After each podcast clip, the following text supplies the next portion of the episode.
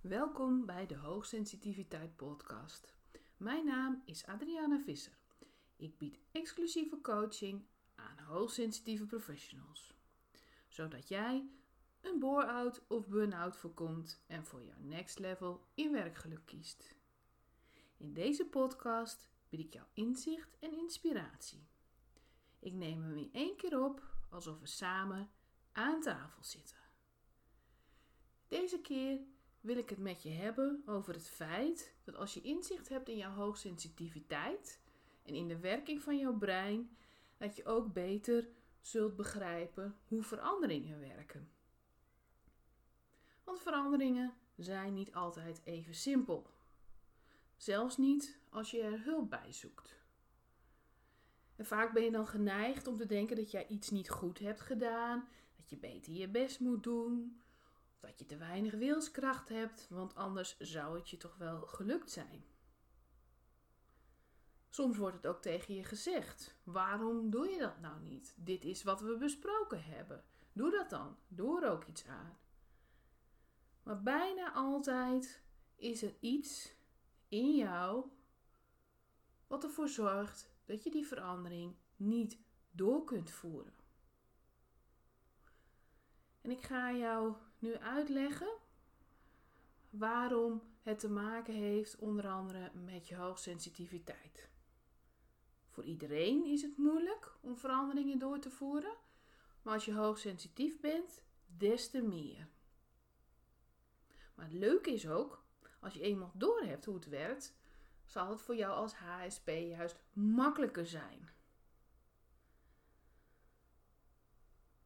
Allereerst nogmaals van belang om te weten hoe jouw hoogsensitieve brein werkt. Je merkt meer op. En doordat je meer opmerkt, heeft dit invloed op hoe makkelijk je veranderingen kunt doorvoeren. Want je zult je er ook meer bewust zijn van het feit dat je angst voelt. En je zult ook meer opmerken wat dat met je doet. Of weerstand. Je merkt het niet alleen op, maar je gaat het ook echt helemaal voelen. Je krijgt die reactie er ook op. En vaak gebeurt het ook nog dat de delen in jouw hersenen gaan reageren die zoiets al eerder meegemaakt hebben. Dus er komen herinneringen van vroeger naar boven. En dat is niet alleen dat je eraan denkt, wat dus ook al heel veel invloed op je heeft. Het is ook dat je het bijvoorbeeld weer voor je kunt zien of weer gaat voelen. Alles kan naar boven komen, want zo werkt je hoogsensitieve brein. Dus je merkt meer op wat het allemaal met je doet, maar je legt ook veel meer verbindingen in je hersenen. En dat maakt het dus allemaal ook vaak meer beladen. De angst kan daardoor groter worden, verdriet, boosheid, frustratie, alles wat maar opgeroepen wordt. Omdat die andere delen van je hersenen herinneringen oproepen. En die herinneringen zijn levensecht. Ik weet niet hoe dat voor jou is, maar ik maak heel veel mensen mee, en dat is bij mezelf ook zo, die haast het als een film weer helemaal voor zich zien en het dan ook kunnen voelen. Net alsof je er gewoon weer helemaal middenin zit. Dus je kunt je voorstellen, als jij in het verleden al eerder geprobeerd hebt om dingen te veranderen en dat toen niet lukte, dat dat allemaal heel levendig boven komt. En ook je overlevingsstrategieën zullen harder gaan protesteren. Bij iedereen is het zo dat die overlevingsstrategieën ervoor proberen te zorgen dat je veilig blijft. En je altijd zullen proberen ervan te weerhouden om nieuwe stappen te nemen. Want jij moet kosten wat kost beschermd worden. Dus het vraagt nogal wat van jou om dat te doorbreken. Maar als je hoogsensitief bent, heb je nog meer dat dat levendige wordt. Steeds echter. Die overlevingsstrategie, dat kan bijvoorbeeld een stemmetje zijn dat heel duidelijk maakt waarom je het niet moet doen. Of beelden die dat heel duidelijk maken, of gevoelens. En jij merkt die dus meer op, omdat je meer opmerkzaam bent. En dan moet je dat ook allemaal nog weer diepgaand verwerken. Je kunt dus ook minder makkelijk zeggen: oké, die oude gevoelens, die oude herinneringen schuif ik opzij. Die overlevingsstrategie heb ik nu even niets mee te maken, want het is beter voor mij dat ik dit nu verander. Dat kun je wel allemaal denken en willen, maar door die diepgaande verwerking heb je ook nog meer tijd nodig om het een plek te geven. Het zomaar terzijde schuiven en weer verder gaan, dat lukt je gewoon niet als je hoogsensitief bent. Het moet allemaal verwerkt worden. Het moet een plek krijgen. Je moet gewoon de, de tijd in steken. Dat kost ook energie. Dus eerst om het te verwerken, dan om het een plek te geven, te ontspannen en het weer los te laten. En dan ook nog eens niet te veel laten beïnvloeden door je omgeving. En dat bedoel ik op dit moment heel direct. Ik heb al gezegd, ik neem alles in één keer op, alsof we samen aan tafel zitten. Nou, misschien hoor jij af en toe wat kinderen buiten die aan het spelen zijn. Maar het is wat het is. Zo gaat het ook in dagelijks leven. Er gebeuren allerlei dingen om je heen, prikkels die je af kunnen leiden. Dus dat is alleen al op zo'n klein niveau. Van in hoeverre merk je dat op? Ik kan er nu voor kiezen van, nou, ik ga er heel veel aandacht aan besteden. En ik geef eerlijk toe dat ik al een paar keer eerder de opname gestart ben. Maar dit is het seizoen waar we in zitten. Dus ik ga gewoon rustig door. Het is ook omdat ik mijzelf heb geleerd om dat te doen. Omdat ik weet hoe die veranderingen werken. Want ik ben net zo perfectionistisch geweest als de meeste HSP, geloof me. Maar dat kun je veranderen. Want als perfectionisme je zo ver in de weg gaat staan dat je niks meer doet, dan wil je die verandering echt wel. Of als het je zo ver in de weg gaat staan dat je er een burn-out van krijgt, dan wil je echt wel veranderen. Alleen, dan moet je dus wel ermee om leren gaan dat je beseft, ik voel het allemaal veel meer wat het met mij doet als ik wil veranderen. Er komen allemaal herinneringen bij kijken. Ik moet het een plekje geven. Dat hoort daar dan ook allemaal bij. En laat ik ook even op dat voorbeeld verder gaan van het perfectionisme. Als jij dus slechte ervaringen hebt gehad, of vervelende reacties hebt gehad op het feit dat je misschien fouten maakt, dat dat niet toegestaan is, dat dat niet mag door je omgeving. En een heel erg de nadruk op is gelegd. Denk erom wat de omgeving vindt. Denk erom wat er van je verwacht wordt. Wees zo precies mogelijk. Dan durf je dat haast niet meer te veranderen. Dat zit zo in je systeem. Dus zodra jij wel voelt, het gaat maar in de weg zitten, want het kost me te veel energie, of ik krijg er stressklachten van, dan is toch steeds elke keer weer van, oh, maar als ik probeer te veranderen, dan probeert dat perfectionisme mij tegen te houden. Want het perfectionisme denkt ook van, hè, dat is in feite ook een overlevingsstrategie. Als ik alles perfect doe, als ik alles controleer, gaat er niets fout. Dan overleef ik het wel. Dus dat maakt het lastiger, dat maakt het moeilijker voor iedereen. Iets veranderen, dat kan een risico zijn vanuit een overlevingsstrategie gezien. Maar als je hoogsensitief bent, dus des te meer. Dan heb je nog het feit, dat wil ik nog even meer benadrukken, wat ik al eens eerder heb gezegd.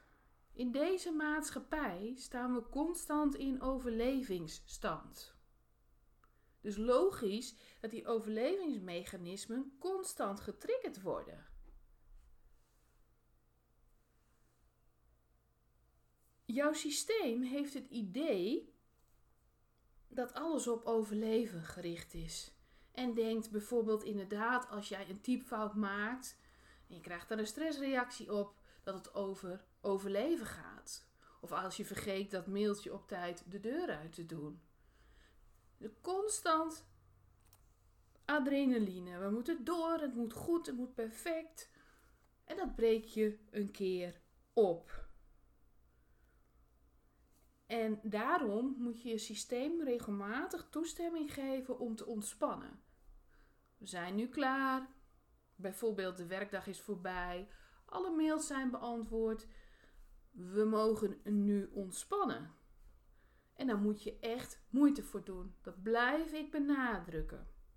Je moet moeite doen om te ontspannen. Je moet eraan werken om te ontspannen. Hoe tegenstrijdig dat ook klinkt. Dus dat heeft ook invloed. Veranderingen raken overlevingsmechanismen. En onze overlevingsmechanismen worden constant getriggerd door de maatschappij waarin we leven. Ons systeem denkt constant: er gaat van alles mis. We moeten nu vluchten, of vechten, of bevriezen. Constant. Of ervoor weglopen. Die hoor je niet zo vaak, maar dat is ook een overlevingsstrategie. Ik ga de confrontatie maar niet aan. Dat is iets wat anders dan bevriezen. Dat is meer iets van: ik hou mijn mond maar, ik zeg er maar niks van, ik doe er maar niks aan. Misschien moet ik nog wat beter mijn best doen, moet het nog wat perfecter. Of misschien moet ik zorgen dat die ander me aardig vindt. Moet ik diegene pleasen, kijken wat hij van mij wil. Dat is ook een overlevingssysteem. Dat pleasen, de, de dingen perfect doen. Ik zeg hiermee niet dat perfectionisme en pleasen hetzelfde zijn.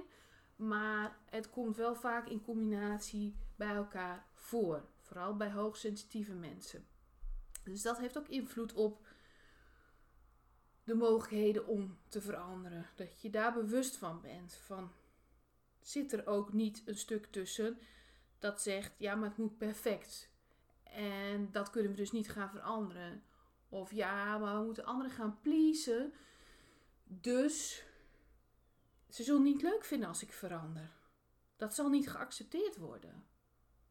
En heel primair, als mensen dat niet van mij accepteren, dan word ik misschien wel afgewezen. En overleef ik dat wel.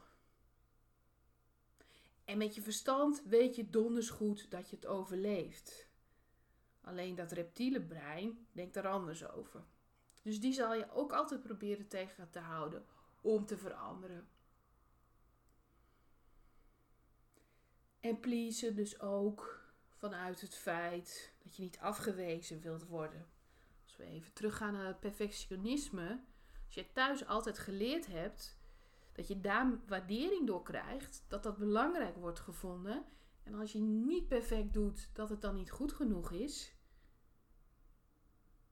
Dat je zelfs afwijzing ervaart, dan zul je daar extra gevoelig voor worden, voor die afwijzing. Bij heel veel HSP gaat het niet specifiek het detail van het perfectionisme, maar meer om het überhaupt je afgewezen voelen. Het kan zijn dat je altijd gevoeld hebt dat je anders was, dat je je onbegrepen gevoeld hebt. Dat kan een vorm van afwijzing zijn. Dat kan zelfs letterlijk benoemd zijn. Doe niet zo overdreven. Moet het nu zo emotioneel? Stel je niet zo aan. Nou, kom op, gewoon meedoen. Niet zeuren. Dat soort opmerkingen. Dus of het nou het gevoel was dat je had, of de opmerkingen die je hoorde, je voelde je afgewezen. Een groot deel van HSP heeft daar last van. Nog steeds die angst om afgewezen te worden. En dat triggert primair je angst om te overleven. Als ik afgewezen word, mag ik niet mee met de groep. Ben ik niet veilig? Misschien verhonger ik wel. Of ga ik dood van de kou? Ik heb andere mensen nodig om te overleven. Dus ik moet me wel aanpassen. Het moet perfecter. Of ik moet meer doen wat zij van me willen. Of wat ik denk dat ze van me willen. Daar kom ik nog wel eens over terug, op terug, bedoel. Hoe zit het met die overtuigingen? Dus dat speelt ook allemaal een rol bij veranderingen. De angst om afgewezen te worden, durf je dan nog wel te veranderen?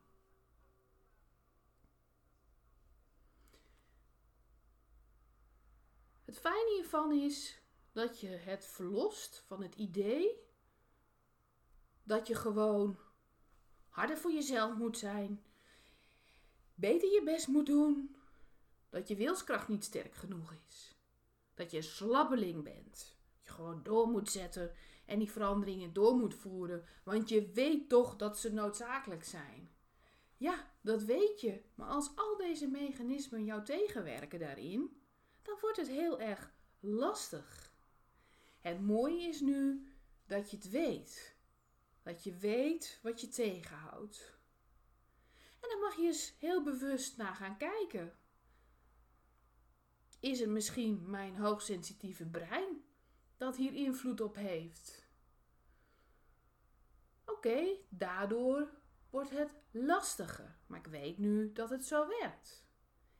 Is het mijn reptiele brein dat zegt: je moet overleven?